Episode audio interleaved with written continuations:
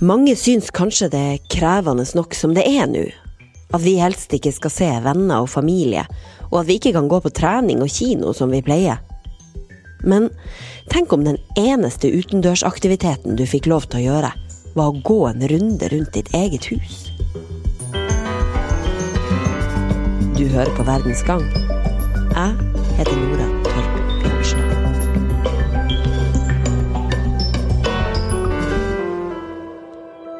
Se for deg at du har fire barn i huset. En ektefelle og en liten leken valp. Ferskt ankommet, med stor utforskertrang og uten tissetrening helt enda. Og så putter du denne kombinasjonen i portforbud i en av Europas største metropoler. Kjenner du brakkesjuka bare ved tanken? Det er det her Magnus Hegland Ingvaldsen lever med i Paris nå. Men det er litt tungvint i forhold til Norge, hvor du kunne bare dratt en tur til skogen, og du kunne eh, hatt en helt annen frihet enn i det du vet at du må printe ut og fylle ut et skjema hver eneste gang. Så, så oppleves det veldig ja, fremmed. Frankrike innførte portforbud pga. koronapandemien den 17. mars. Les policiers se heurtent à un cas particulier. Cet homme est un sans-abri. Magnus, som er sjømannsprest ved Den norske kirke i Paris, hans kone og deres fire døtre, må i likhet med resten av Frankrike holde seg inne. Hvordan ser egentlig hverdagen ut for dere nå? Jo, nå er vi er en eh, familie her med Vi har fire barn og en liten valp. Så vi Hverdagen er Vi har eh, ei jente på fire og to på ti og ei på seks år. Eh, og vi har jo vært innestengt her egentlig over to uker nå. Så det er litt annen hverdag enn det vi er vant til.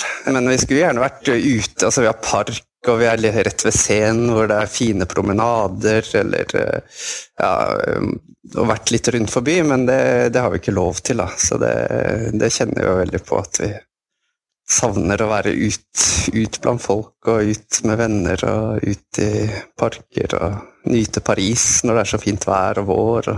hvis Magnus eller noen av familiemedlemmene hans må ut, så er de altså pålagt ved loven å ha med seg et papir med en slags offisiell æreserklæring, der de har krysset av årsaken til at de nå beveger seg utenfor husets fire vegger, og underskrevet det. Det er kun noen ytterst få formål som er godkjent, over svært korte tidsintervall, og bare rett ved der du bor. Vi kan ikke gå ut utenfor vår egen eiendom. Eh, annet eh, enn til butikken eller til eh, apoteket, og da må vi fylle ut et nytt skjema hver gang som vi har med oss eh, som bevis hvis vi blir stoppet. Så kan vi trene, det er lov å jogge, det er ikke lov å sykle, men det er lov til å trene inntil en kilometer hvis du har med papir, og bare alene. Har du hund, så kan du lufte hunden én gang om dagen, også inntil en kilometer alene. Uh, og så er det lov å gå ut med ett barn om gangen. En voksen har lov til å gå ut med ett barn. Så, så det blir jo veldig begrensa. Og alle parker og skoger og strender og promenader er stengt, det er ikke lov å gå på. Så, så det er jo en helt annen hverdag. Journalist og forfatter Vibeke Knop Raklin har bodd i og rapportert fra Frankrike i flere tiår. Også hun sitter innelukka i en leilighet nå. Vibeke, takk for at du er med oss eh, fra Paris. Hva tenkte du da du forsto hvordan dere nå må leve? Vi var jo for så vidt litt forberedt, for selv om ikke så drastisk tiltak ble satt inn gang med en gang, så visste vi jo at eh, det kom til å bli eh, strengere og strengere, og det kom ikke som en bombe, for å si det sånn. Det høres jo litt klaustrofobisk ut? Ja, du kan lett bli det, tror jeg. Hvis du har dessverre anlegg for det. Jeg og mange med meg assosierer vel eh, egentlig franskmenn, og kanskje særlig parisere, med noen som liker å være ute på gata, liker å sitte på kafé, å være sammen. Eh, og nå kan de ikke det. Hva, hva mener egentlig franskmenn flest om de her tiltakene? Du kan tro de savner det, eh, men det er faktisk interessant å se at de observerer stort sett reglene. Eh, du har selvfølgelig noen som ikke kan la være. Jeg hørte en ung mann bli intervjuet i går. Han eh, var blitt kontrollert, for vi blir jo kontrollert da hvis vi går ut og må ha med skriftlig tillatelse som vi fyller ut selv for akkurat hva det er vi skal uh, ute. Og denne unge mannen han hadde da blitt kontrollert fire ganger. Og så skulle han forklare hvorfor han måtte ut hele tiden, og da sa han 'jeg må ha sex'. Så det er jo veldig mange rare begrunnelser. Eh, hvor alvorlig er smittesituasjonen i Frankrike nå? Den er veldig alvorlig. Eh, de, det er veldig mange sykehus som er totalt uh, sprengt. Det begynte aller verst i Øst-Frankrike pga. en veldig spesiell eh, gudstjeneste, kan du si. Altså ikke med, med, kristendommen, men med en annen spesiell religion som jeg ikke husker i farten hvilken var. Og på et eh, tidspunkt så møttes ca. 1000 tilhengere av den religionen til en, eh, til en um, gudstjeneste, og det viste seg da at det var omtrent det verste de kunne ha gjort, fordi spredte viruset til hele Frankrike i og med eh, til og med eh, til de oversjøiske fylkene. Nå ligger jo Frankrike tett oppi både Spania og Italia, der hvor tilstanden er helt katastrofal nå. Hvordan ser man på det i Frankrike? Man håper å unngå at situasjonen skal bli like katastrofal som i Italia, for de franske strenge tiltakene ble jo tatt på et tidligere tidspunkt i krisa enn eh, i Italia. Så da håper man at det skal ha en viss innvirkning. Men eh, det kan fort eh, bli sånn, og særlig hvis da folk ikke helt respekterer det som er blitt fastsatt.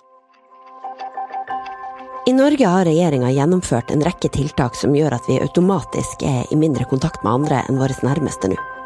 Skoler og barnehager er stengt, Diverse tilbud innenfor kultur og velvære har opphold på ubestemt tid, og dem av oss som har mulighet for hjemmekontor, er bedt om å ha det. Men hva gjelder forbud for den enkelte, har man i Norge nøyd seg med å på det sterkeste oppfordre innbyggerne til å holde seg hjemme, og holde avstand til andre. Så vet vi at viruset smitter når mennesker samles og er tett på hverandre. Derfor er det helt avgjørende at alle landets innbyggere deltar i en dugnad for å bremse smitten. Likevel, det har vel knapt gått en pressekonferanse uten at statsrådene blir spurt om det er aktuelt å innføre portforbud her til lands. For eksemplene på land som har gjort nettopp det, er mange. I Frankrikes naboland Belgia har de gjort det samme som franskmennene. Der er det innført tre ukers portforbud. De tyske delstatene Bayern og Saarland har de samme restriksjonene på bevegelse, og mange spør seg om resten av Tyskland snart vil følge etter.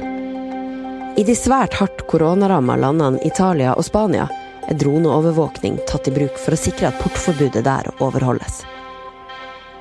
Også i Tsjekkia, Slovenia og Serbia er det portforbud.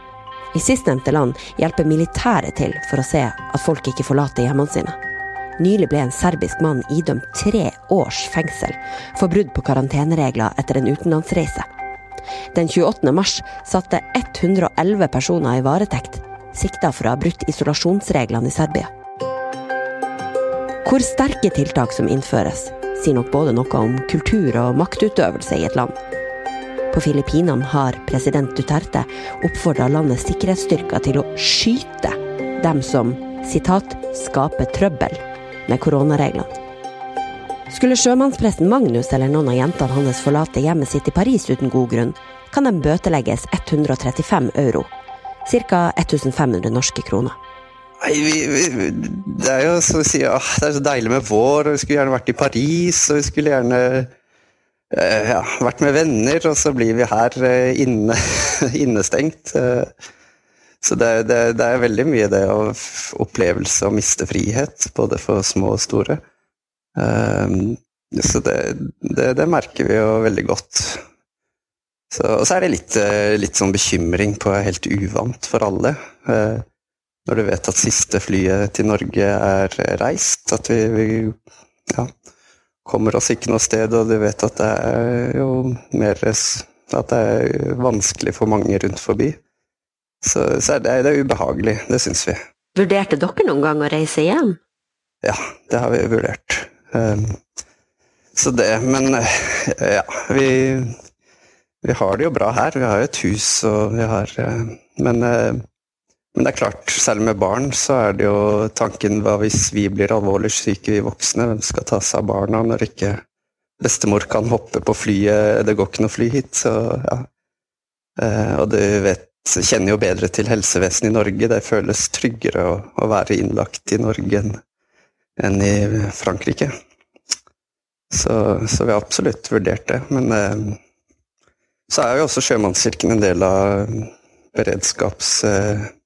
beredskapstjenesten til eh, her i, i, Frankrike. At vi har samarbeid med ambassaden. og vi det er viktig at vi også er til stede i, i situasjoner som er krevende. Så det er også spilt inn på, på at vi er her. Mm. Etter to uker med portforbud hadde fransk politi allerede skrevet ut 360 000 bøter for brudd på portforbudet. I samme periode var det gjort rundt 5,8 millioner kontroller siden reglene ble innført 17.3, sa Frankrikes innenriksminister i et TV-intervju. Vibeke Knopp Raklin forteller at franske myndigheter ikke har mulighet til å dele ut den samme økonomiske kompensasjonen for denne tida i isolasjon, som det norske myndigheter nå gjør. Eh, gjør myndighetene noe for å mildne den negative effekten det kan ha på folk å måtte leve så isolert som det her? De prøver, men dessverre for franskmenn så er jo ikke landet så rikt som Norge, så vi kan ikke strø rundt med milliarder, sånn som Norge kan.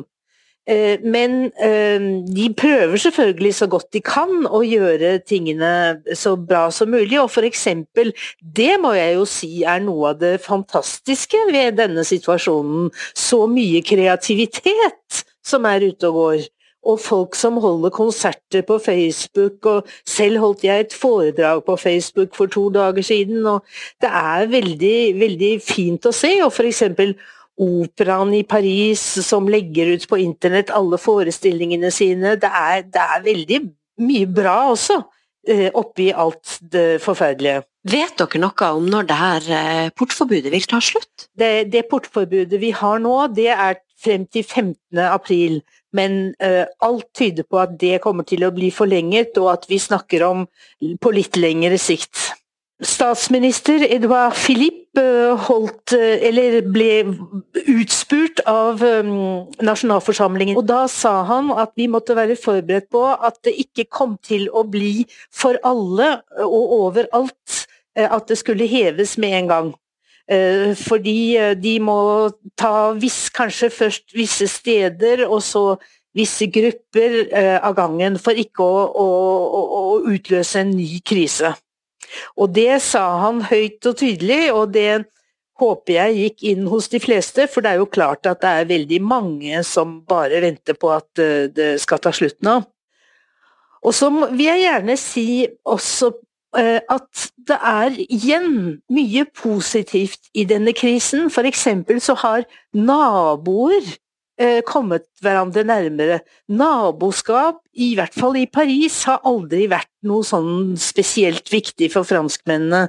Men nå henger det små lapper i heisen og sånn, hvor eh, folk tilbyr seg å handle eller gjøre andre ting for hverandre.